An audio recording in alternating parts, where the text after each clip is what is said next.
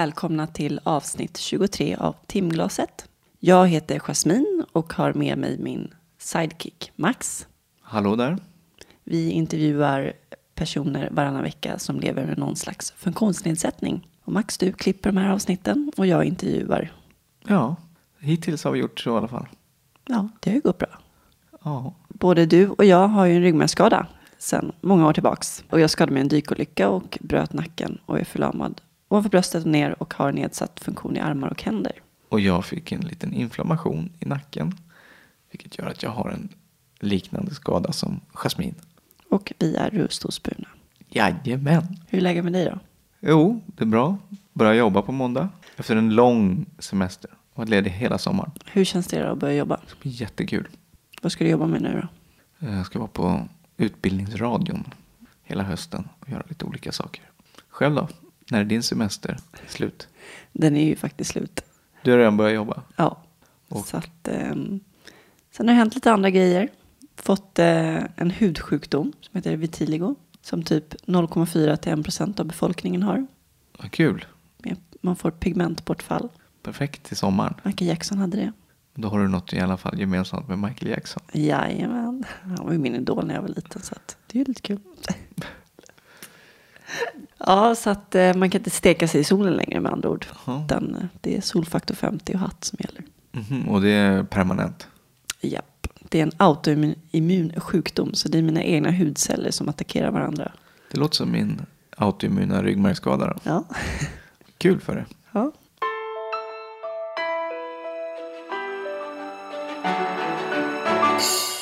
Idag ska vi intervjua Jonas som är tvåbarnspappa, jobbar på STIL och eh, har alltid varit en aktivist kan man väl säga sedan tidig ålder.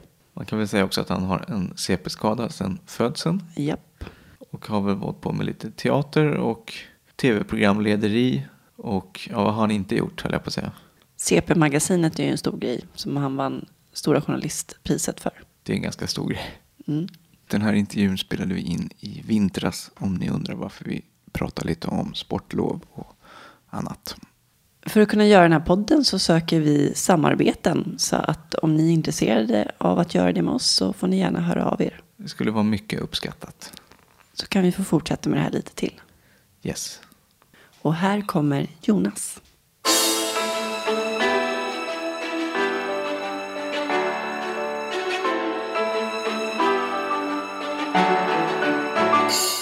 Hej Jonas! Hej! Hur är läget? Jo tack, det, det är bra tycker jag. Jag har haft botox i mina muskler en hel vinter nu och de börjar, den börjar sippra ur. Jag ska till botoxkliniken om en vecka så jag börjar känna liksom smärtan i benen har börjat komma tillbaka just den här veckan. Så det är inte så kul men på det stora hela är det bra. Alltså, jag vet ju att man använder botox i blåsan för att den ska vara lugn och inte vara hyperaktiv. Men eh, i muskler, stora muskler har jag inte hört att man... Jo visst, jag fick 12 sprutor i båda benen Oj. i november. Och har haft en fantastisk vinter e- efter det, måste jag säga. Det är första gången någonsin jag har använt det. Liksom. Och jag brukar vara ganska så död av min spasticitet på vintrarna. Men det här var en fantastisk vinter. Botox är the shit. Eller Ja, vad? men, nej, men jag varit förvånad liksom att man använder i så stora muskelgrupper, så här benen det, det är ju det man gjorde framförallt. Det är ju det det är uppfunnet till tror jag. Jo, men alltså man är... Det är väl ett vapen från början, ett sånt obehagligt kemiskt vapen eller så. Det är en av de starkaste gifter som finns tror jag. Mm, en promille är dödlig tror jag. Men alltså, då tar du 12 stycken och påverkar inte det kroppen i övrigt? Alltså det gjorde det en eh, dag, då var jag ganska eh, utslagen. Ja, måste jag säga. Men sen har det bara varit eh, nice. Hur såg din morgon ut då? Du har ju små barn. Ja, fast just idag är det faktiskt så att eh, det är ju sportlovsvecka. Va? Så att eh, barnen har varit hos eh, farmor. Jag ska faktiskt åka och hämta barnen på centralen nu när vi är klara med det här Okej. programmet. Eh, så att det var, det var en väldigt lugn morgon på det viset. Skönt. Jag, hade lite tid att sitta och jobba och svara på en massa mejl och sådär. Så att eh, nej, det var, var lugnt och skönt. Så brukar det inte se ut vanligtvis. Skönt att passa på och slappa lite. Ja, verkligen. Ja, det blir eh, en fantastisk känsla att ha BF barnfritt. Det, Hur gamla är barnen? de är nio, eh, är den eh, äldsta tjejen ska fylla tio och den yngsta tjejen är fem, ska fylla sex. Ska ni hitta på någonting nu under lovet? Ja, alltså det är ju så här faktiskt att för förra veckan så var vi i Sälen. Jag blev medlurad upp till Sälen. Jag som hatar skidanläggningar och inte satt min fot på en skidanläggning på 28 år. Följde med familjen ändå efter en lång övertalningskampanj upp till Sälen. Så att vi har redan haft sportlov en vecka faktiskt. Okej. Åkte du skidor då? Nej, nej, nej. Jag satt i stugan. de fick ut mig någon timme. Det, eh, sista dagen fick de med mig på sittliften. Nej, Det här med, med sport har aldrig varit min grej. Alltså. Nej. Med fart och överhuvudtaget sådär. Jag, jag har väl åkt lite pulka någon gång. Det är väl liksom dit jag har sträckt mig på något sätt. Liksom. Men du är en mångsysslare kan man ju lugnt säga. Ja, det kan man väl säga. Jag gör, gör lite olika saker olika år och sådär då. Nu- Skådespelare, opinionsbildare, krönikör och allt vad det är. Och nu, just nu jobbar jag på STIL med ett eh, projekt. Så att, ja, nej men det, jag, jag gör lite olika saker. På att filma och jobba på tv. Det gjorde jag en gång i tiden också. Så. Mm, det lät lite spännande. Du nämnde någonting om det, att du hade någon, något tv-projekt på gång. Ja, ju, vi gör ju filmer som vi förhoppningsvis ska kunna omvandla till en dokumentärfilm så småningom. Just nu så ligger den ute på vår hemsida. Medborgargolf.se kan man gå in och titta på lite olika filmer. Det var ju så att jag för några år sedan fick ner, neddragning av min personliga assistans från ingenstans. Då börjar man ju fundera på hur kan det här gå till och varför blir det på det här sättet och så. Det har vi försökt undersöka i de här filmerna bland annat då. Men jag tänkte vi skulle ta det från början helt enkelt. Ja, vart absolut. kommer du ifrån och vart är du uppvuxen? Eh, jag är född i en liten by som heter Ockelbo som ligger utanför Gävle. Det är ett litet samhälle med 6 500 invånare. Och där bodde jag fram till jag var 6-7 år. Sen flyttade vi några år till Malmköping i Sörmland och sen flyttade vi tillbaka till Ockelbo igen. Så bodde jag där till jag var 15. Där jag flyttade till Göteborg. Och hur ser närmaste familjen ut? Min egen familj, eller den jag kommer ifrån. eh, Där du kommer ifrån? Där jag kommer ifrån. Det är ma- mamma, pappa, två helsyskon, två halvsyskon. De skilde sig? Nej, det är två halva från eh, tidigare äktenskap på Okej. pappas sida. Hur var din uppväxt? Ja, jag skulle vilja säga att den var bra eh, de fem, sex första åren. Det- måste jag ändå säga. Jag vet inte, jag trivdes inte så bra på dagis, men jag var en sån där eh, oppositionellt litet dagisbarn som eh, anordnade aktioner för att vi inte skulle behöva ha samlingar och som försökte rymma därifrån och sådär. Jag kände mig som en av alla andra barn. Va? Så det var bra. Så den stora chocken började nog för mig när jag kom till skolan och började plötsligt känna att jag var annorlunda. Bara för att jag, jag gick annorlunda. Och det där var ju aldrig någonting jag hade reflekterat över tidigare. Hur gammal var du då när du började förstå det? Man börjar ju förstå att man inte går som andra ganska tidigt. Det börjar man förstå i förhållande till liksom att medvetandet utvecklas och sådär. Så det visste jag ju om. Men jag hade ju aldrig känt mig särbehandlad eller annorlunda på något annat sätt. Och jag kände ju alltid att jag var, jag var ju alltid högljuddast. Jag var ju alltid med. Det var jag som anordnade de där aktionerna när folk, eh, när barnen sprang iväg och, och rymde från dagis till exempel och så. Så att på det sättet så var jag inte annorlunda. Utan känslan, upplevelsen av att jag blev annorlunda, det började nog när jag började skolan. Och det var ju ganska så dramatiskt. Eh, sen skulle jag säga det också att eh, det, det brukar jag prata en del om att för mig började nog faktiskt själva bilden och tanken över att vara annorlunda när jag, när jag såg en film. Det var en film som ni, kanske har sett som heter Rännstensungar. Som är en film som spelades in på 70-talet med Cornelius Vreeswijk och Monica Zetterlund i huvudrollerna. Och som handlar om en liten tjej som sitter i rullstol och som inte får vara med och leka och inte kan eh, hänga med sina kamrater och, och sådär. Och så lyckas eh, hennes styvpappa komma fram till att hon ska gå, få göra en observation då, av en läkare som man känner. Och den här läkaren kommer fram till att hon lider av en psykisk blockering och att man via en operation ska kunna lösa den här psykiska blockeringen så hon ska börja gå igen. Nu när jag läst grundkursen i psykologi tycker jag det är lite konstigt att, att man kan lösa en psykisk blockering med operationskniven. Mm, det låter märkligt. Men hon, hon eh, gör det i alla fall och det slutar med att eh, hon reser sig upp och, och, och vandrar iväg. På en äng. På en äng. Och alla barn har ballonger. Alla glada. barnen jublar och dansar och sjunger runt henne och tusen stråkar spelar I min lilla, lilla värld av blommor finns det plats för alla och en var. Och så springer hon fram till sin eh, styvpappa och säger så här Pappa, pappa, jag kan gå. Pappa, pappa, jag blivit frisk. Och det här är filmens stora klimax. Det är det första gången som hon kallar då herr Fahlén för pappa. Så det är inte bara det att hon har återfått funktionen i, i sina ben. Samtidigt har hon fått en pappa på kuppen. Och det eh, förändrade mig på många sätt. Då började jag tänka så här, aha, barnen springer ifrån mig. Det, aha, jag kommer svårare och svårare att hänga med i lekar. Aha, jag måste göra någonting åt det här. Och så fick jag ju olika tips och förslag i den här filmen också. Så jag, jag tror att jag blir den mest dedikerade 5-6-åringen de har haft på habiliteringen i Gävle. Jag ville göra liksom alla operationer och göra all typ av sjukgymnastik och arbetsterapi och sådana där saker och så. Så det är märkligt hur, hur filmer faktiskt kan Påverka. påverka och fördärva på många sätt. Eftersom jag ganska snabbt insåg att den här bilden jag hade fått från Rensis ungar inte var sann. Liksom. Det var ju inte mina bens fel att jag inte kunde hänga med på i friluftsdagar till exempel eller få vara med på gymnastiken eller så. Mm. Eftersom det fanns en trappa upp till gymnastiksalen som jag inte kom upp för eller att man åkte iväg till någon skog någonstans där jag inte fick följa med. Så det var ju pedagogiken som stängde mig ute eller eh, arkitekturen med otillgängligheten och så som gjorde att jag inte kunde hänga med.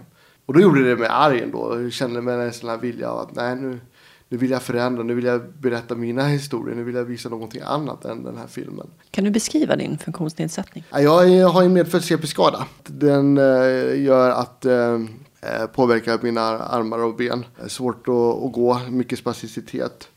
Svårt med, med händer och finmotorik och har lite så här perceptionsstörningar och sådana här saker. Men det är ju så att jag menar, har man en medfödd funktionsnedsättning så är det det enda man vet om det är ju det livet man har liksom. Så att det här att man skulle vara annorlunda eller att det skulle innebära problem och hinder. Det är ju någonting som man får lära sig genom vuxenvärlden och omvärldens eh, attityd eller man blir behandlad eller hur saker och ting ser ut och blir konstruerat. Och det fick jag ju lära mig. Och, och det, men det fascinerande var att jag inte upplevde någon egentligen stor skillnad alls de första åren. Och det, det där är någonting som eh, jag verkligen bär med mig. Att den här upplevelsen av att handikappas är verkligen någonting som kommer från samhället. Ja, men eh, du menar att du inte märkte av någon skillnad att du var annorlunda efter Gentemot de andra barnen? Nej, mm. inte på något sätt egentligen så. Eller att jag, men jag, när jag, började fördomarna komma då? Sådär, som du... Eh, nej, men det var väl mycket skolan när man började skolan helt enkelt. Så, som jag kände liksom att det blev svårare att följa med. Och mycket handlade ju om lärarnas pedagogik. Att man gjorde liksom en grej av att jag eh, var annorlunda. Då började man ju se sig på det sättet också. Att det är liksom en grej att man, att man går på, på ett annat sätt och så. Så att det, det kom väl i, i lågstadiet. Eh, mycket. Och sen blev det ju successivt värre skulle jag säga i förhållande till eh, när jag sen började högstadiet och sådana här saker och så. Eftersom jag bodde på en väldigt liten ort där det eh, fanns ganska mycket jantelag och intolerans och sådär och så. Och det, allting fungerade väldigt bra så länge jag var den tysta, snälla, gulliga invaliden kan man säga. Men när jag började tröttnade på den rollen på något sätt, för jag kände att det inte var jag, utan började liksom ta plats och höras mycket. Och eh, jag ville engagera mig i elevrådet och sådär och så. Då, då, då blev det en förändring också i förhållande till hur mina kamrater såg på mig och en, en stor irritation på något sätt över att jag inte visste min plats och sådär. Så att eh, jag skulle säga att jag hade ganska turbulenta år just när jag gick på högstadiet levde för att överleva dagen på något sätt. Liksom. Det måste ha varit riktigt tufft. Ja, det var tufft. Jag tror att många kanske äh, reagerar på när man blir utsatt för trakasserier och sådär, att man blir tillbakadragen. Men jag gjorde tvärtom, så jag tog mer och mer plats. Och då möttes man ju med mer och mer trakasserier som sen också kunde övergå i våld och sådana här saker. Så. Men det som hjälpte mig väldigt mycket då, det var ju möjligheten till att börja spela teater. Då hade jag lyckats få reda på att det fanns ett amatörteatersällskap i Ockelbo som spelade eh, teater. Och där eh, möttes alla. Jag tror att jag var allra yngst faktiskt där. Och den äldsta var i 70-årsåldern. Och eh, vi spelade väl mest så här lokalrevyer och så. Liksom nyårsrevyer och sådär. Jag trivdes ju med att spela teater och jag har liksom drivits av det här att vilja berätta mina egna historier och så. Men sen tror jag att det var lite exorcism också det där att jag menar blir man väldigt illa behandlad på grund av sin kropp och sådär. Så istället för att osynliggöra sig själv så försökte jag synliggöra mig själv så mycket som det bara gick. Så jag ställde mig ju på scen inför hela kommunen kan man säga. För att alla gick och såg de där föreställningarna också. Och då vände det, skulle jag säga. Eh, också ifrån hur jag blev behandlad i klassen och, och, så. Eh, jag hittade på något sätt min, min plats liksom. Och så, det, hur man reagerar på trakasserier det är ju väldigt olika. Men det, det där var liksom mitt sätt att verkligen här är jag, take it or leave it liksom på det viset och verkligen visa upp sig för hela kommunen liksom. Och vi hade en, en scen där på i revyn där jag mer eller mindre sprang eller tog mig över scenen liksom och så, så jag blev otroligt synliggjord i liksom hela min kropp och sådär. Och det var ju det var en tuff utmaning som jag mådde väldigt illa för innan. Det kan man kanske svårt att förstå just bara att röra sig över en scen att det kan upp, liksom skapa så mycket obehagskänslor. Jag förstår precis vad du menar. jag hatar ju att synas, eller på att säga. Ja, på det där sättet. Och, och, men jag, jag gjorde det och det blev en skillnad. Alltså. Och också framför allt i synen på min egen syn på mig själv. Och då blev jag också lite mer oåtkomlig från andra människors Hur gammal var du då ungefär? Det här hände ju när jag, var, jag gick i åttan, så jag var 14 år gammal. Och sen fortsatte jag spela även när jag var 15 och startade också en egen eh, liten teatergrupp med andra ungdomar som spelade teater. Och så så att, eh, från eh, slutet av åttan och nian så förändrades väldigt mycket. Du beskrev fysiskt våld. Ja, alltså slag och, och sparkar men, och så. Men, skolan... men, min klass var ju inte riktigt klok. Alltså jag, träffade ju andra folk därifrån och vi hade ju några sådana här lite fullblodspsykopater i okay. vår klass. Alltså, jag tror inte det var någon som mådde bra i den här klassen. Sen kan jag så här, i efterhand bli väldigt frustrerad över lärarnas liksom nonchalanta inställning. Ja, precis. De borde det väl ha gjort någon som... slags insats kan man ju tycka. Ja, men det är lite sådär när lärarna själv blir rädda för eleverna. För lärarna var ju också trakasserade.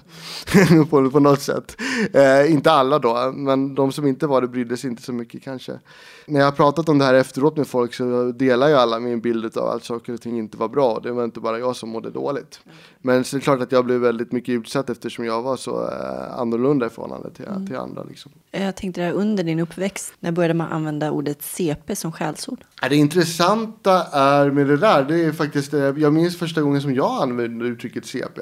Man hade ju elevassistenter på den tiden, så jag hade ju en elevassistent då, så sa jag för CP var någonting som bara fanns liksom. Och så sa jag till honom, du är ju så jäkla CP-skadad, sa jag till min assistent. Och så sa han, nej det är jag inte, men det är du, sa han. Och då trodde jag att det bara var ett sätt att retas. Men sen så förstod jag att jaha, det här är så. Och så gick jag hem till min mamma och frågade. Har jag en CP-skada? Ja, du har en CP-skada. Så det var på det viset jag förstod att jag hade en CP-skada. Mm. Och då blev det ju, blev jag lite mer påverkad när folk sa CP och sådana där saker. Så det var ju ingenting som man direkt exponerade för andra personer och så. Jag minns, jag, jag fick göra en intervju av någon som gjorde någon forskningsprojekt när jag gick i sjuan. Och hon frågade då om vad jag hade för diagnos och så här. Så sa jag att jag, jag, hade, jag har en CP-skada men jag vill inte att du skriver det. Så här, Nej men det skriver jag inte, sa hon då. Så. För att det var ett så stigmatiserat ord helt enkelt och så. I takt med att jag började ta plats och så där så uh, var jag mer tydlig också med vilken diagnos jag hade och så. Liksom, uh, har jobbat mycket med det. Framförallt när vi var aktiva Unga rörelsehindrade så hade vi liksom mycket kampanjer om det här med ung rörelsehindrad och stolt och eh, CP and proud och så. Och, CP eh, står för eh, clever and pretty och sådana där saker. Va? För att eh, återerövra ordet. Och det var ju också det ordet som vi sedan använde när vi gjorde CP-magasinet. Som var den, den tv-serie som jag var, gjorde då på Sveriges Television för tio år sedan. Det är också som du vann Stora Journalistpriset för också. Ja, det blev visst så också. det, är så. Nej, men det var också ett sätt för oss att åter, återta ord. Liksom, så. Varför har det blivit ett sånt ord? Nej, men alltså det finns ju en massa eh, fördomar mot äh, människor som har en äh, annan funktionalitet. Liksom. Så, så är det ju. Men jag visste ju inte vad det betydde när jag var liten. Nej. Jag visste bara... Men Lovisa hade någon teori om det. Om, att det var onk Onkel Konkels ja. fel. Nej, det tror jag inte. För Onkel Konkel, om vi nu ska prata om Onkel Konkel, så, så sög ju han upp alla typer utav, utav eh, skällsord och så. Och sen så använde det jättemycket. Va? Men det är klart att eh, i kretsar där Onkel Konkel var populär så spreds ju ordet extra mycket. Men jag, jag fick eh, ett mejl här från Carolina Frände som är eh, chef för eh, ungt eh, scen på eh, Stadsteatern i Stockholm angående en pjäs som de sätter upp nu där, där ordet CP används som skällsord. Hon frågade, tycker du att det är okej okay att vi använder det? Och då säger jag det att eh, jag tycker det är helt okej okay att man använder ordet CP, men använder man det bara som skällsord utan att göra någonting utav det, utan att göra någonting med det, utan att problematisera det, så är det inte bra då gör det bara ont liksom. Eh, då är det ingenting som, som leder till no någonting bättre. Utan eh, använder man det enbart som ett skällsord så tycker jag att ni ska använda ett annat skällsord. Då så skrev hon tillbaka att nu har vi bytt skällsord så. Men annars har ju jag ingenting emot att man använder ord Men då ska man eh, problematisera kring det också. Jag har själv varit med och spelat i en pjäs där vi använder ordet CP ganska mycket. Men som skällsord då till att börja med. Men då slutade det hela med att vi, vi vände på det. så att vi skapade liksom en positiv kontext runt ordet istället. Och då, då tror jag att det satte sig i magen på den unga publiken. Och folk fick sig en tankeställare istället. Det var ju eh, ganska stor grej tycker jag med CP-magasinet där att du vann för, vad stod det, för förnyare, årets förnyare var det. Ja, det var därför vi också bara gjorde en säsong av CP-magasinet. Vi ville inte bli någon typ av reservat-tv om du förstår mm. vad jag mm. menar. Alltså att okej okay, nu gör vi det här programmet med samhällsfrågor för, för funktionshindrade personer och så sen så, så gör vi eh, andra program för resten. Utan eh, vi, vi hade ju tänkt att nu ska vi slå in en dörr här liksom. Och sen ska det här påverka tv i stort så att eh, ser andra typer av program. Och på ett sätt så började ju en våg sen liksom och så med, med mer eller mindre bra program eh, som hade funktionshindertema. De flesta mindre bra skulle jag säga. En annan del av Köping och sådana här program och så. Mm. Eh, men du gillar inte det? Nej, jag tycker att det inte är något vidare program. Jag tycker att det blir ensidigt. Det, det, det är sånt där gullegullande där, där liksom allting är hela tiden beskrivet i positiva termer. Och ingen människas liv ser ut på det sättet. Man skapar liksom en liksom reservat-tv där det blir vi och dem, eh, tycker jag, med en annan del av Köping. Och det var just det vi ville komma bort ifrån. Alltså man gör gärna de här programmen men, men vi syns inte så mycket i, i andra typer av program som har ett annat fokus än just handlar om funktionsvariationer på olika sätt. Mm. Nu sa du funktionsvariationer. Det är ju ett väldigt trevligt ord som jag frågade Max häromdagen om vi ska börja använda det istället. Hur är det med de här begreppen egentligen? Ja, det där är ju lite svårt. Vi sitter ju just nu i en övergångsperiod skulle jag säga och smaka på olika ord. Där kan väl jag slå mig för bröstet lite grann för att eh, börja med att problematisera det här just med funktionsnedsatt. Det låter jag tycker, ju jag tycker negativt. bättre eh, om uttrycket funktionshinder då. Men när man skulle säga mm. funktionsnedsatt då känns det så himla... Nedsättande. Jag menar, ja man verkligen är nedsättande. Man är väl funktionsnedsatt? Är inte det vad man är? Ja, I förhållande till vad? För jag, till jag förhållande till en fullt frisk? Ja, fast i förhållande till en gepard skulle jag säga att människan har en ganska funktionsnedsatt eh, gång till exempel. Alltså, fast jag vet inte varför man ska förhålla sig till en geopard. Man... Nej, men alltså, allting beror ju lite på vad, vad, vad du förhåller dig till. Det som man säger med en funktionsnedsättning det är att det finns en typ av kropp som är den fullt funktionella, friska inom situationstecken då, eh, kroppen liksom, som alla förhåller sig till. Tittar vi sen runt omkring på eh, samhället så ser vi att de allra flesta inte har den här kroppen. Det kanske är vissa som Usain Bolt och Carolina Klüft och sådana som har haft sådana här eh, fullt funktionella kroppar, men de allra flesta av oss har det inte. Va? Eh, och det blir väldigt konstigt. Jag skulle säga att de flesta av oss har, har nedsatta kroppar på ett eller annat sätt tycker det är intressant att göra en parallell till exempel med det här med glasögon. Jag ser att du till exempel använder glasögon och många av eh, oss använder ju glasögon. Men jag tror inte de flesta som använder glasögon tänker att man har eh, en funktionsnedsättning. Det är så fullständigt vanligt att man, man använder sig av glasögon så man gör ingen grej av det. Man kallas inte för funktionsnedsatt för att man har en synnedsättning som gör att man använder glasögon. Jag tycker att det ändå är rätt viktigt. Jag tycker så här att när, när vi pratar om homosexualitet eller eh, om vi pratar om kvinnor så man säger ju inte att man har en, en, en nedsatt sexualitet. Man säger inte att man har ett nedsatt kön för att man är kvinna eller sådär. Alltså när det gäller min kropp till exempel, då, då ska man direkt eh, ha den å, åsikten över att, eh, att, det, det då, att jag har någon typ av nedsättning. Och det, det, det upplever jag faktiskt inte att jag har. Fungerar mina hjälpmedel som det ska, fungerar mitt liv som det ska, så upplever jag mig inte nedsatt någonstans. Liksom. Mm. Och samtidigt är det väldigt svårt också att se ner på en så stor del av mig själv som faktiskt eh, min diagnos är. Eh, så funktionsvariationer är ju en del av att beskriva det som att alla människor har vi olika funktionsuppsättningar. Jag tycker det är bättre att prata om uppsättningar än nedsättningar. Mm. Men då måste man ju också prata om det, vad händer då med oss som blir diskriminerade eller förtryckta i förhållande till våra funktionsuppsättningar. Så då kan man prata om normbrytande funktionalitet eller, eller sådär och så. Men, men vi håller på att smaka på orden för att hitta mm. fram till det ultimata. Mm. Men jag tänkte hoppa tillbaka lite till eh, barndomen. Eh, jag har ett citat här som du har sagt i en artikel. När de andra ungarna spelade basket satt jag inne och kollade på Bergman-filmer. Mm. Det är, ju, det är ju en positiv funktionsvinst jag fick där då kan man väl säga. Alltså, att, att, alltså i Ockelbo så var det så att alla spelade basket. Och uh, spelade man inte basket så fanns det inte så mycket annat. Men det fanns ju tv och det här var ju liksom eh, då på 80-talet när eh, inte eh, vi hade barnkanal och andra sådana saker. Utan det som fanns då var ju de här svartvita filmerna på eh, eftermiddagarna. Varav många var så här pilsnerfilmer som var rätt dåliga måste jag säga. Åsa Nisse-stuket och sådär. Det gjorde inget större avtryck. Men de här Bergman-filmerna. Eh, Hur gammal är du Jonas? då? Nu. Eller nu? Nu. Nu är jag 37, jag är född 77. Så det här var väl någonstans, kanske 87, 88 någon gång sådär då. Och då se de här Bergman-filmerna, det gjorde ett stort avtryck alltså, för det var ju någonting eh, helt annorlunda mot vad det var man var van att se och så. Och det gjorde mig också väldigt intresserad av att fortsätta och hålla på med teater och, och sådär. Vad, vad hade du för framtidsdrömmar då? Ville du bli skådis? Ja, jag ville bli skådespelare.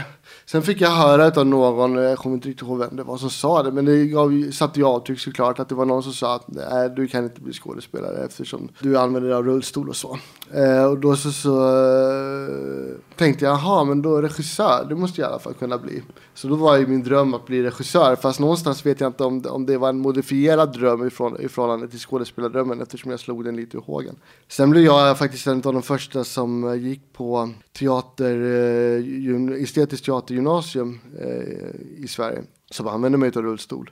Så att eh, jag fick ju ganska snabbt förståelse för att det där som jag fick höra att man inte kunde spela teater för att man använde sig av rullstol inte var sant. Och då eh, från den stunden så hade jag väl liksom en dröm återigen att vilja bli skådis och delade det där med några av mina klasskamrater. Men sen när vi slutade skolan så förstod jag att jag hade lite andra premisser än alla andra för att när alla andra skulle söka scenskolan då så fick ju jag höra att eh, nej, för att komma in på scenskolan då måste man ha full rörlighet. Det tyckte man inte att jag hade eftersom jag använde rullstol. Och så var det likadant med folkhögskolor och sådär också att det var väldigt svårt att ta sig in och så. Begränsat med vilka roller du kunde få kanske?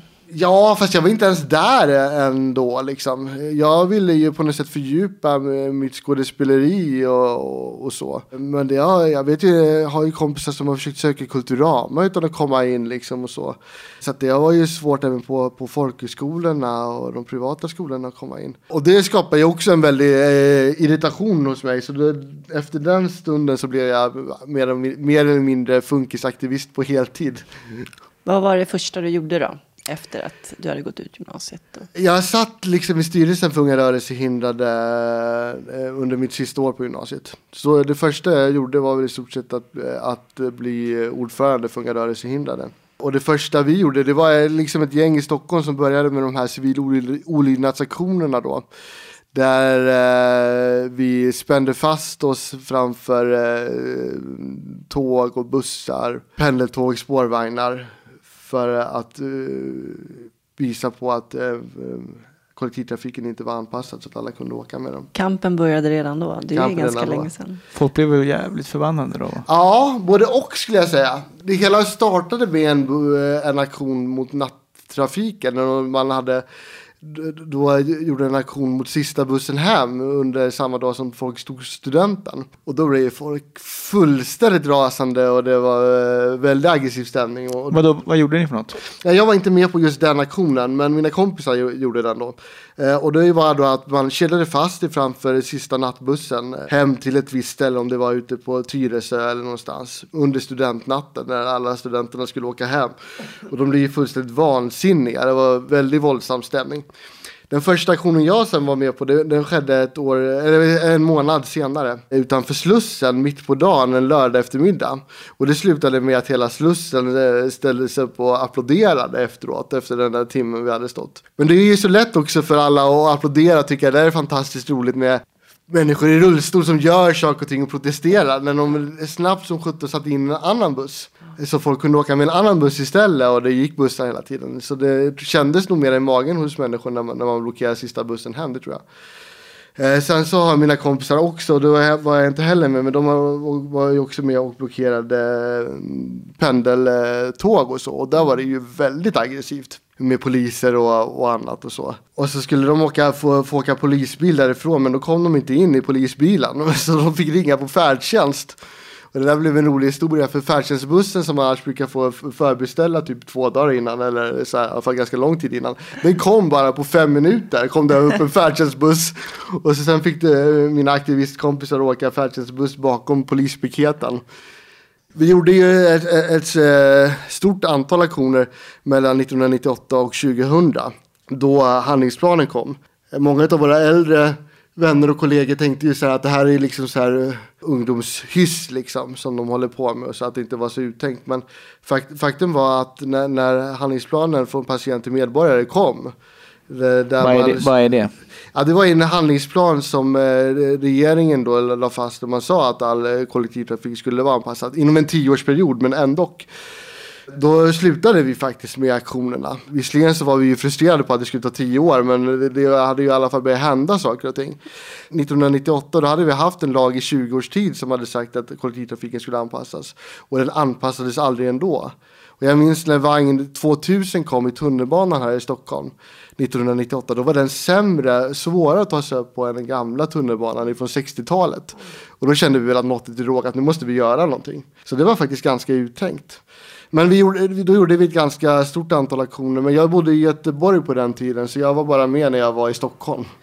Har du sett någon förändring då till det bättre? Ja, det har ju kommit en lagstiftning. Mm. Jag vet ju att många är frustrerade över att så fort det kommer lagstiftningar så är det en mängd undantag och man måste ha över tio anställda och så. Så att det då bara blir en tummetott utav alltihopa. Och det, det känner jag också av den frustrationen. Samtidigt så måste man ju på något sätt leva utav det positiva också. Eller jag är ju en positiv människa. Är glaset halvfullt eller halvtomt? Jag tycker ofta att det är halvfullt. Medan många av mina kamrater kanske tycker att det är halvtomt. Så jag känner ändå att det här är ändå ett steg på vägen. Och nu har vi ju också, nu har ju den nuvarande regeringen sagt att man ska förändra och förbättra och utöka lagstiftningen. Så det, det måste vi jobba på. Vad tror du har fått din drivkraft ifrån? Jag vet inte. När jag var yngre så tänkte jag mycket på att miljö skapar väldigt mycket och sådär. Och det har väl gjort mycket att jag fått kämpa mig fram och så. Men från och med att jag fick mina egna barn så såg jag på så tidigt stadium att de var så tydliga personligheter. Det, va? Så jag började tänka mer att mycket kommer väl kanske från arv också. och sådär. Så att det, det, det kanske kommer ifrån familjen också. Jag har inte reflekterat så mycket över det. Jag blir så här frustrerad över saker och ting och så vill jag göra eh, förändringar. Folk säger ibland att jag är väldigt radikal och sådär, men det har jag aldrig riktigt förstått. För egentligen det enda jag alltid har kämpat för det är att människor ska bli anständigt behandlade. Och så fort jag tycker att man inte blir anständigt behandlad så reagerar jag väldigt kraftfullt. Och sitter vi i den positionen som vi gör så är det ofta så faktiskt, kanske inte dagligen men varje vecka olika situationer där man inte blir speciellt anständigt behandlad. Och det ger ju helt klart drivkraften till att skapa förändringar då. Hur har din familj, dina föräldrar och syskon förhållit sig till dig, till din funktionsnedsättning? Nej men det måste de göra, det har de ju varit väldigt bra på, att inte göra, göra någon särskillnad. Och det, det, där känner jag att det Även om jag har haft en oerhört tuff uppväxt så har jag ändå varit så jäkla glad över att jag är född när jag är född och inte hamnat på någon institution någonstans. Visst bodde du på något elevhem Ja, för jag gjorde det när jag mycket handlade ju det om att jag ville komma bort ifrån Ockelbo eh, och eh, då kunde man ju söka de här riksgymnasierna då som finns på fyra platser i landet. För mig handlade det mycket om att byta miljö och komma till storstan. Och så kom jag in i Göteborg och det var ju häftigt att flytta nästan 60 mil till en helt annan stad och till en storstad. Och man kunde hänga på Liseberg på kvällarna och sådär. Men eh, när jag väl flyttade dit så var det ju en mixad upplevelse. Därför att jag trivdes ju väldigt bra i skolan när jag började sen på teatergymnasium där och så. Samtidigt så bodde jag ju på elevhem då. Eh, en del av Bräcke Östergård som är en sån här gammal institution som har funnits i alla tider. Det blev ju eh, en liten chock måste jag säga. Hur var det? Upplevelsen av att inte kunna styra över sitt eget liv på något sätt. Att det hela tiden kom in och ut olika människor. Att det var så många olika personer eller? som jobbade. Ja, omsorgspersonal skulle man väl säga. Mm. Så de hade inte vita rockar på sig men likväl var det ju så att jag inte kunde styra över mitt eget liv och min egen vardag. Så att eh, för mig var det ju fullständigt fantastiskt då när jag eh, efter tre år skulle flytta därifrån och eh, assistanslagstiftningen hade kommit. Och jag helt plötsligt började förstå vad mina äldre vänner och kamrater hade kämpat för. Att jag själv kunde välja vem jag skulle anställa som skulle hjälpa mig och med vad och på vilket sätt och när. Det var ju helt fantastiskt. Så då flyttade jag tillsammans med några goda vänner som jag också anställde som personliga, assistent, som personliga assistenter till en lägenhet och började leva livet helt enkelt. Och vad innebar det att le börja leva livet? Ja, jag skulle säga att leva livet var att leva det livet som mina kompisar levde. Men eh, helt plötsligt kunna styra det själv. Alltså, på det här elevhemmet, de hade ju sådana här regler som man måste vara inne klockan tio på kvällarna. Alltså. det kändes ju lite som att vara på ett fängelse. Va? Helt plötsligt då kunna styra över sitt eget liv och, och komma hem när man ville. De sista eh, månaderna som jag bodde på elevhemmet var jag också över 18 år och då var det ju väldigt märkligt att man inte själv kunde bestämma när man skulle komma hem på kvällarna. Det här var ju inte så länge sedan, det här var ju 20 år sedan. Va? Jag som är ändå är relativt ung, i alla fall inte fullt 40, jag har varit med om det här att bo på, e-, på eleven, bo på institution och inte själv styra över mitt eget liv. Så jag vet ju hur nära det är och hur skör också den här lagstiftningen är som, som vi har kämpat för och hur mycket man försöker dra ner och så. Så att det här med institutionshotet det är ju ett, ett rejält hot. Och det ser vi också runt omkring i Europa när man bygger upp så här tjusiga institutioner för jättemycket pengar som man sen måste befolka med massa människor. Så jag känner faktiskt folk som har flytt ifrån Frankrike och bosatt sig i, i, i Sverige för att slippa hamna på institutioner istället för att personlig assistans. Även från andra länder flyttar ju folk hit just för att få tillgång till det. Det förstår jag, alltså söka politisk asyl för personlig assistanslagstiftning. Det säger någonting om hur fantastisk den är och att Sverige faktiskt borde slå vakt om den istället för att hela tiden bara prata om, om eh, kostnader och sådana här saker. Det är en fantastisk jämlikhetsrevolution som skapades. Jag brukar jämföra den med den allmänna och lika rösträtten. Att det är en revolution på samma sätt. För helt plötsligt så kunde vi alla vara fullvärdiga medborgare oavsett vilken hjälp vi behöver och så det var ju helt underbart. Och teatern då? Vad hände med den? Nej men då så hade jag ju sökt de här skolorna så kom jag inte in. Eh, och sen började jag jobba med aktivism. Och det har vi ju pratat om på olika sätt. Men det vi också gjorde var ju att kronprinsessan Victoria började ju samla in eh, pengar till eh, rörelsehindrade barn och ungdomars fritid. Och jag minns första gången jag såg den här gingen. Det var Carola som satt i gräset och klappade en liten hund. Och så var det de här stråkarna som lät som rännstensungar ungefär. Och så sa hon att vissa barn har det inte så lätt. Jag tänkte att hon pratade om någon i andra länder eller sådär. Så sen så sa han att vissa barn har svårt att leva ett Eh, ett bra liv. Ja, så tänkte jag fortfarande att det rörde sig om någon som bodde långt ifrån. Sen plötsligt så såg jag en liten tjej som hoppade runt på en hästrygg och sen, som eh, använde sig av rullstol. Så tänkte jag, vad är det mig och mina kamrater och kompisar hon pratar om?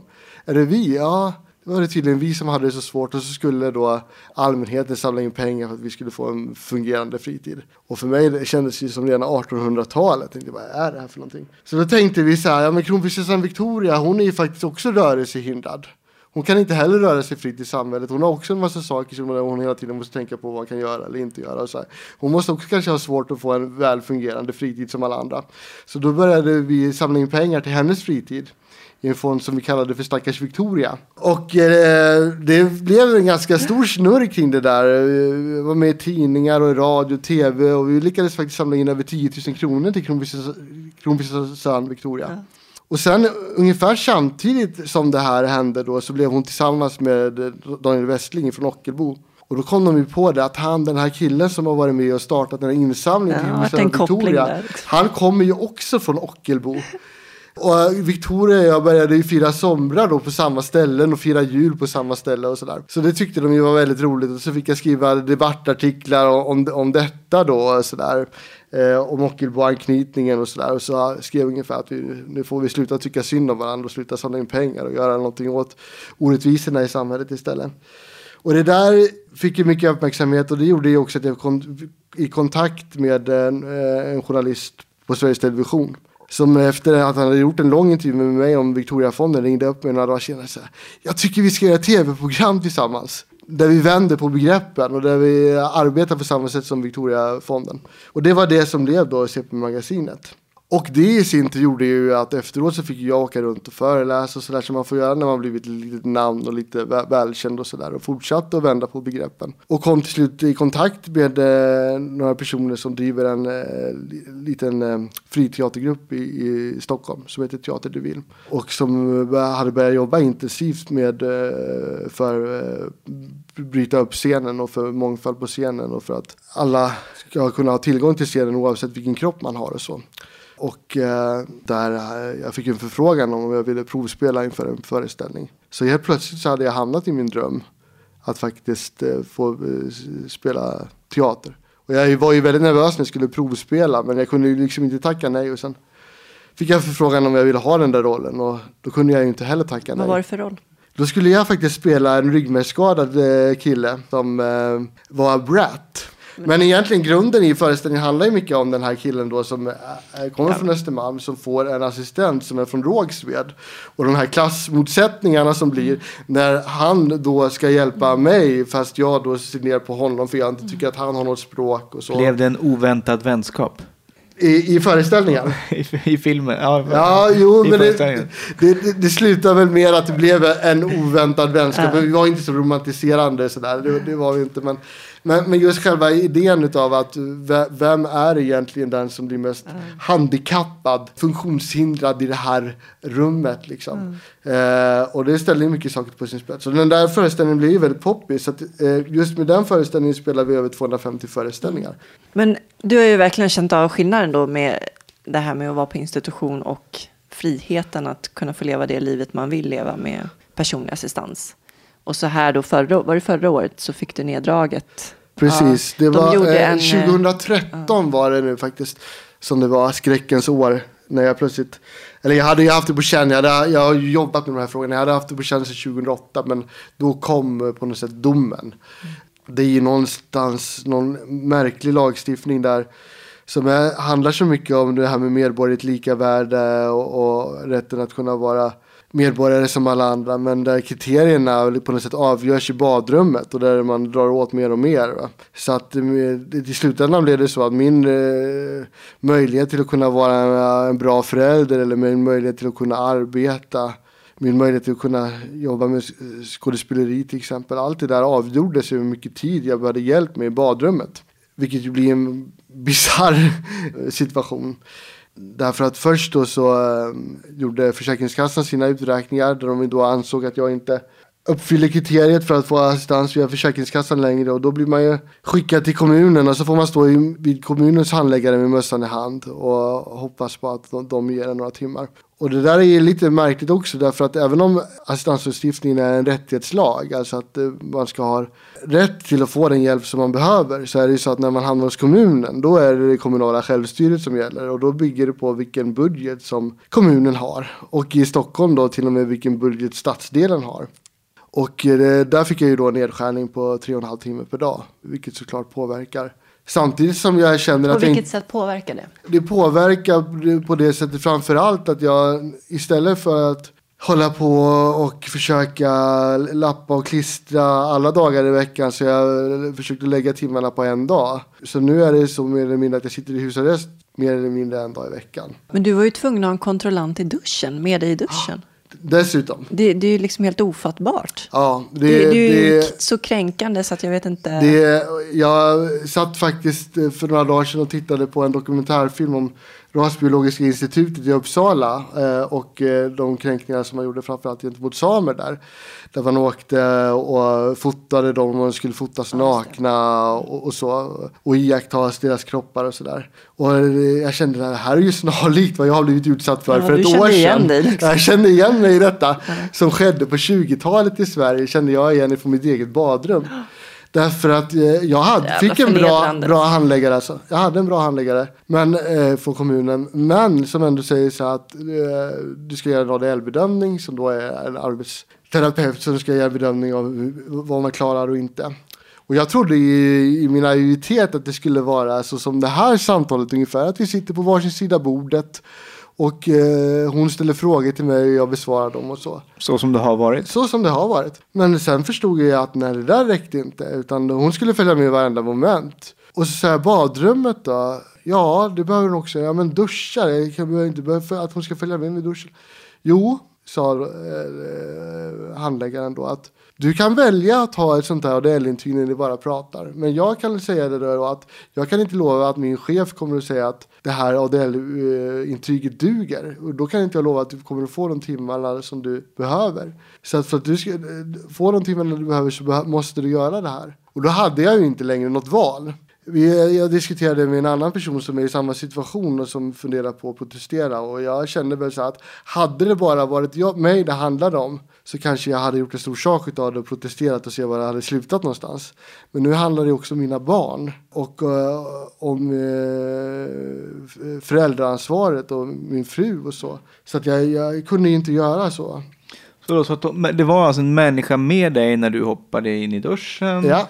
Och stod, inte tittade på när du duschade kanske, men stod med... Jo då, hon tittade, fast jag skulle säga så här, eh, ingen skugga ska falla över henne för hon... Nej, hon, var, det, hon det, hade väl inget val antagligen. Hon hade inget val. Och hon gjorde det bra, hon gjorde det snyggt. Och jag är ju jätteglad att, att jag fick ta med min egen, även om vi inte hade träffats tidigare. Så eh, var det i alla fall inte så att kommunen hade valt ut sina egna arbetsterapeuter. För då kan det bli så här att ja, men om du gör si och så så blir man ifrågasatt i duschen istället. Och det, så det blir liksom så här tredubbel förnedring. Va? Men hon skötte det professionellt och så. Men samtidigt var det så här, jag hade aldrig träffat henne tidigare. Vi bestämde träff två veckor innan det här så att jag skulle se, så jag skulle veta vem det var jag släppte in. Va? Ja, det är klart. Jag skulle ju aldrig släppa in någon annan i min dusch. Aldrig i livet.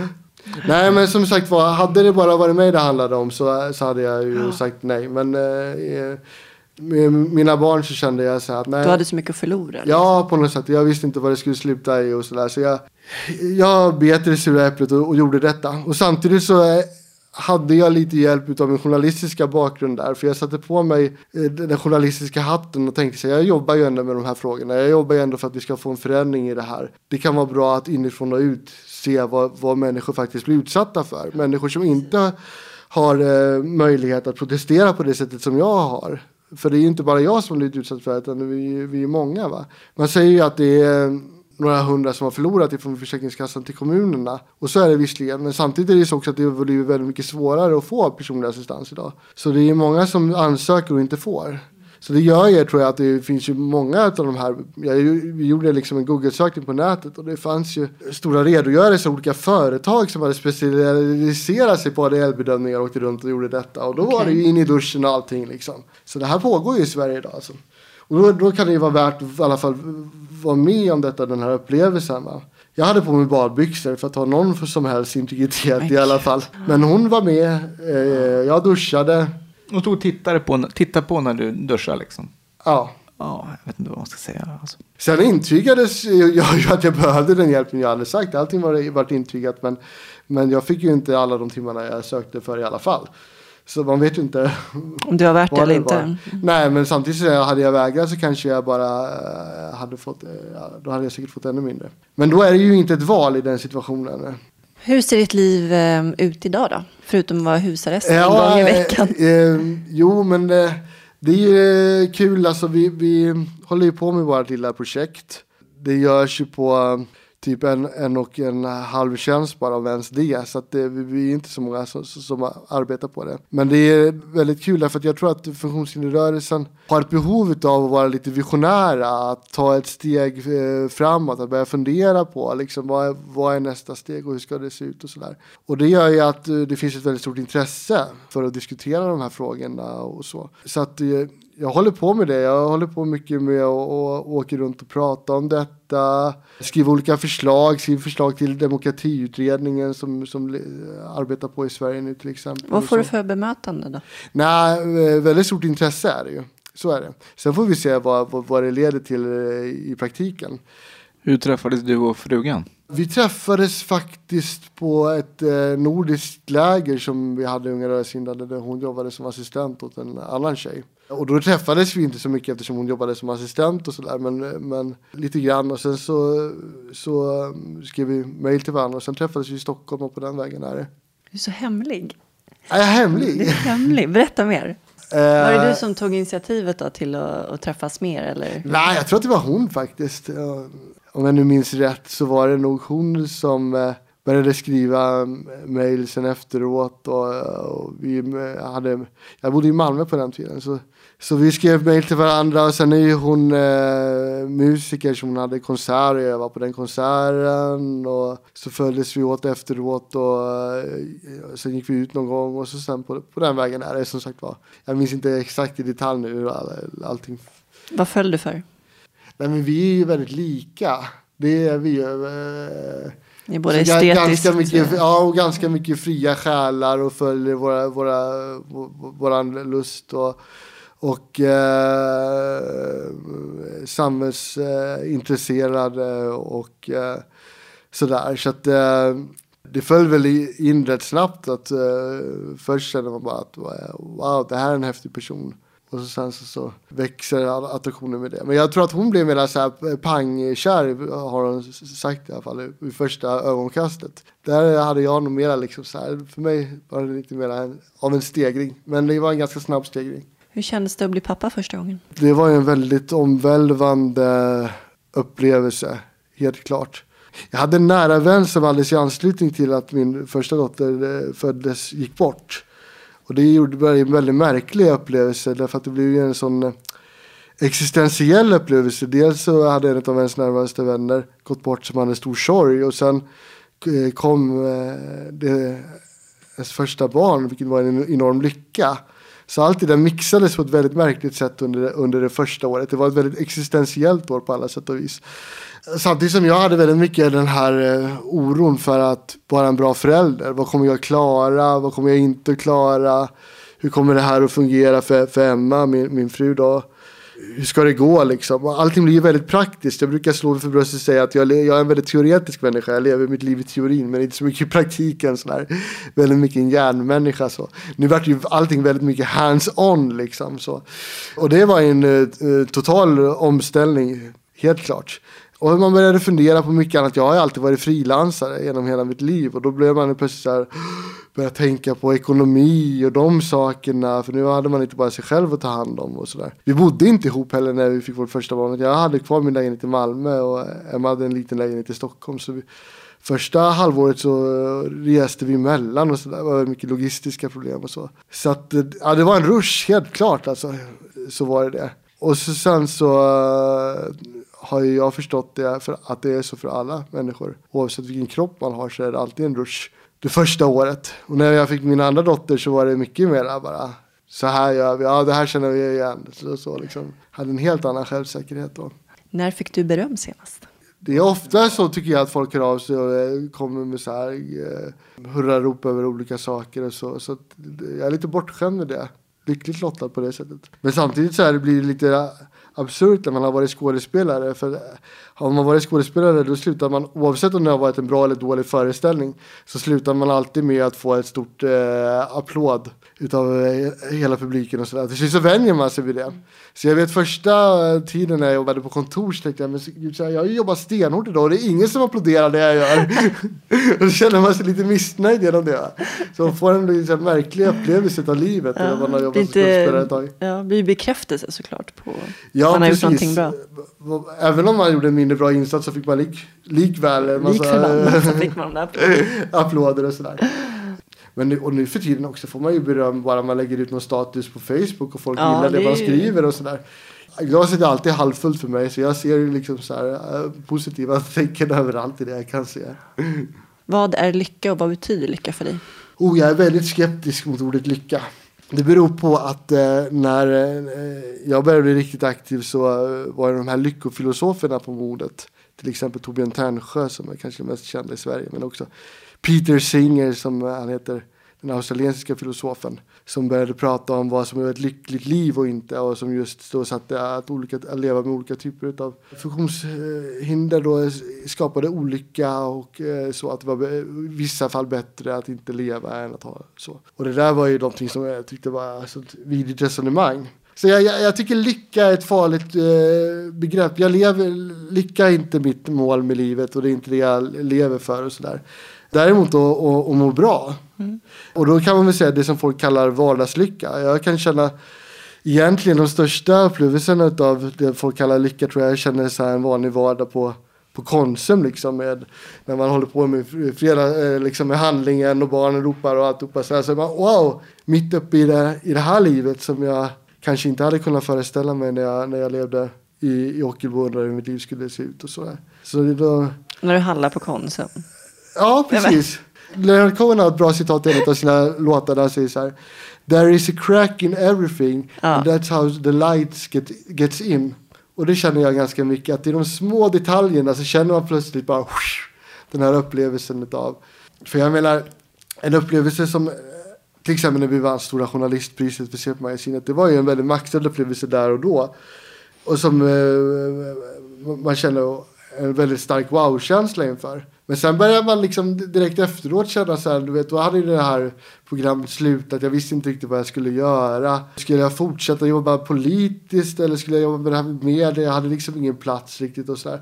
Och då kom de där liksom upplevelsen av den här väldigt upphöjda lyckan och störde liksom så man nästan blev nedtyngd av allting istället för uh, sådär. Så jag, jag, jag, jag känner snarare lycka i det lilla skulle jag säga.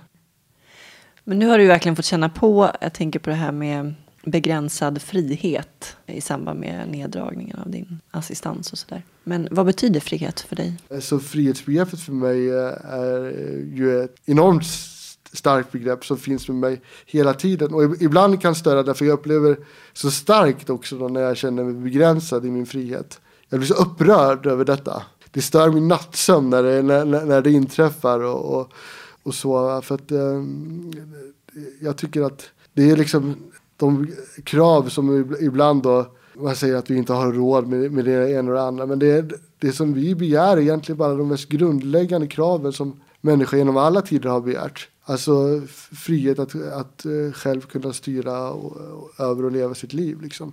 Så frihet har betytt oerhört mycket för mig och, och jag får oerhört mycket blev oerhört inspirerad till exempel av den svarta medborgarrättsrörelsen i USA på 60-talet som också kämpade för frihet. Eller kampen mot apartheid på 80-talet i Sydafrika och sådär. Och jag har ju och besökt några vänner i Sydafrika som arbetar inom funktionsrörelsen där två gånger. Och jag kan ju känna igen med, med, med dem totalt, alltså den, den här eh, kampen för, för att kunna ha rätt att leva sitt liv. Så frihet är ett väldigt centralt begrepp, helt klart. Om du fick leva om ditt liv, skulle du göra någonting annorlunda då? Ja, eh, det är så svårt. Jag är inte någon sån där som ångrar no någonting egentligen. Det är möjligtvis i vissa lägen då jag tycker att jag var lite slapp. Sådär att jag någon tid liksom har rullat tummarna. Men vadå, då kunde jag ju ha gjort det här och det här. Sådär. Men samtidigt, eh, jag menar, man ska vara väldigt eh, uppmärksam på att väl vårda tiden av slapphet också. Vi har ett prestationsinriktat samhälle. Och det där prestationsinriktade samhället, det, det mår vi inte bra utav. Utan eh, jag är ju en sån som helt klart jobbar med väldigt mycket skov. Tar tag i saker och ting och gör väldigt mycket och sen så blir jag helt utpumpad och behöver lång tids återhämtning och sådär. Och från början så, så såg jag ner på, på de stunderna men nu kan jag verkligen värdesätta det där. Liksom så. så jag tror faktiskt inte att jag skulle vilja göra någonting annorlunda. Vad skulle du vilja säga till någon som eh, aldrig har träffat någon person med funktionsnedsättning eller har någon erfarenhet av det? Jag vet inte om jag skulle vilja säga så mycket egentligen. Jag, jag, tror, jag tror på det här att ha möte. För några år sedan var det här med bemötande väldigt populärt och man skulle prata om bemötande hit och dit och sådär. Och jag brukade säga när jag blev inbjuden i olika sammanhang för att prata om det att jag tror att folk går på för mycket bemötande kurser. Folk blir för mycket så här, ja men oj, oj, oj, nu kommer rullstol, ska jag agera, ska jag göra, oj, oj, oj, ska jag hålla upp dörren, ska jag inte hålla upp den? Relaxa liksom. Var som vanligt men se till att ha ett möte. För det är det ofta så här att vi människor är ju bekväma av oss och ibland så känns det som att folk blir så uppstressade av detta. Att inte våga ha ett möte. Jag har en god vän som pratar med eh, Bliss på Blisstavlan. Och han är lite extrovert av sig så istället för att ha en liten lampa som många har så har han en stor pinne i pannan som han eh, pratar med. Och så var han och hans bror ute på ett eh, café i Malmö. Och så kommer eh, servitrisen och frågar som vanligt hans bror vad ska han ha för någonting. Då säger hans bror ja, du får vi fråga honom. Och då så märker man liksom hur hon liksom fattar ett beslut. Och så tar hon ett steg tillbaka och drar tag i pinnen och skriker i pinnen. Vad vill du ha för någonting? Och han är mer spastisk än jag, så han flyger ju upp liksom och eh, glasen spills ut och liksom det blir stor kommers och så här. Och han är jätteupprörd efteråt och pratar med mig om det här. Och då sa jag till honom, men herregud, du ska inte bli upprörd över detta. För vad den här personen ville göra det är faktiskt att ha ett möte med dig. Hon hade aldrig sett någonsin en människa med en pinne i pannan förut. Hon trodde ju självklart att det var en mikrofon och att hon pratade in i huvudet på dig liksom så. Och det blev en väldigt pinsam situation och sådär men hon lär sig någonting av det. Och hon hade mötet. Otroligt mycket bättre än att hon bara pratade med din bror. Va? Så det där, våga låta saker och ting bli lite obekvämt. Det skulle jag vilja säga, våga ha ett möte. Nu ska du hämta kidsen. Ja, nu ska jag hämta kidsen vid centralen faktiskt. Får vi se. Har jag lite sån där tid att slå ihjäl här också så ska jag kanske dags för lite vardagslycka nu då. Vad kommer det vara? Vad Gå kommer på? Konsum. Det kommer, det kommer säkert att vara att vi går på Konsum och skriker och bråkar åt varandra. Det kan jag tänka mig, absolut. Men eh, att vi har tid tillsammans helt enkelt. Har de lärt sig hur de kan förhålla sig eller ska förhålla sig till din funktionsnedsättning? Ja, genom Brukar att de utmana dig ibland? Ja, de förhåller sig inte alls skulle jag säga. Och det försöker jag lära dem. De behandlar mig väldigt icke-respektfullt och det tycker jag är väldigt skönt. Så jag tror att jag har lärt mig. Hur, hur förhåller de sig till dina assistenter? Som att det inte vore någon sak i världen skulle jag säga heller.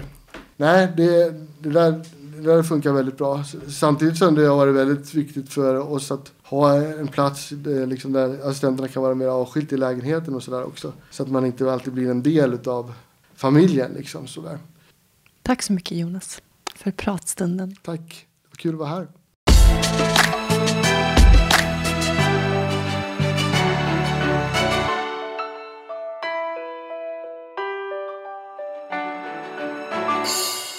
Teater, det är ingenting för dig att hålla på med. Nej, Varför inte? Du har ju dansat hela ditt gångna liv. det är en helt annan grej alltså. Varför? Känner mig lite för obekväm i att, um, vad är det man säger? Det är väldigt fysiskt, tycker jag. Eftersom jag har hållit på lite amatör med det också när jag var yngre. Nu har man ju bara rösten kvar. Inte riktigt samma sak. Jag gick på teaterkollo. Det var roligt. Då gjorde vi Hair, musikalen Hair. Då fick jag vara en hippie som hette Flower. Fast då gjorde jag mer, då dansade jag mest. Okej. Sjöng och dansade liksom. Mm. Så det var inte så mycket teater på det sättet. Men det är inget som du känner för att ta upp nu? Nej, Nej. jag känner mig lite för obekväm med det. Alltså. Ja, samma här. Och programleda tv, är det något som du känner dig sugen på? Sitta där med min vitiligo liksom. Det finns ju fet smink. Det, det är bara smasha på. Nej, men jag tycker det, är ganska, det känns ganska bekvämt att sitta här bakom mickarna liksom. Snacka lite. Ja, nej, tv verkar ju otroligt läskigt. Jag förstår inte hur han riktigt, eller om det var självklart för honom att våga bara, ja visst, lite tv. Ja, men han verkar väl alltid ha haft den läggningen liksom. Har inga problem att stå på scen och synas. Nej, verkligen inte. Men det är ju skönt att det finns de som vill göra det. Och så kan vi sitta här bakom i mörkret. Och slippa synas. Och gömma oss. Ja, hinner, händer någonting på invalidfronten som vi ska snacka om? Jag Vet inte, har det? Ja, du ramlade ur bilen, men det kanske inte vill berätta. Ramlar du bilen? Nej, jag menar stolen. Rullstolen. Ja, kan jag berätta. Vad vill du veta? Ja, hur var det? Det var väl sådär. Varför ramlade du? Ny stol utan broms, som inte, bromsen som inte funkar. Hoppa över, hoppa över. Så jag gled över. Eh, Stolen gled iväg och jag låg på golvet i två timmar i förrgår. Det suger. Det var sådär halvkul. Blir Vad hann du tänkt, tänka under de två timmarna? Jag satt och tittade på Hollywoodfruar på tv. Jag släpade bort mig till tvn och tittade på. tittade på. Jag, hade, jag hade inte fjärrkontroll. Jag nådde bara så, så, så jag satt på tvn. Så jag tittade på Hollywoodfruar och kniven mot strupen på golvet. Bästa programmen alltså. Det var så jävla dåligt. Ja. Sen kom de till slut. Du var underhållen i alla fall. Ja, mm, hyfsat. Du gjorde inte illa dig någonstans? Nej, En blåmärke? Bara själsligt. Och det var inte ditt fel heller faktiskt. Ska vi säga. Alltså, jo, man ska ju ha koll på Ja, grejerna. Sina grejer. Men ändå. Ja. Men en helt ny stol och så visar det sig att bromsen inte sitter fast. Så Mm. får man ju skylla sig själv. Men det är ändå jävligt slarvigt av dem. Mm. Missa den lilla detaljen. Så kan det gå ibland Mm. i vardagen.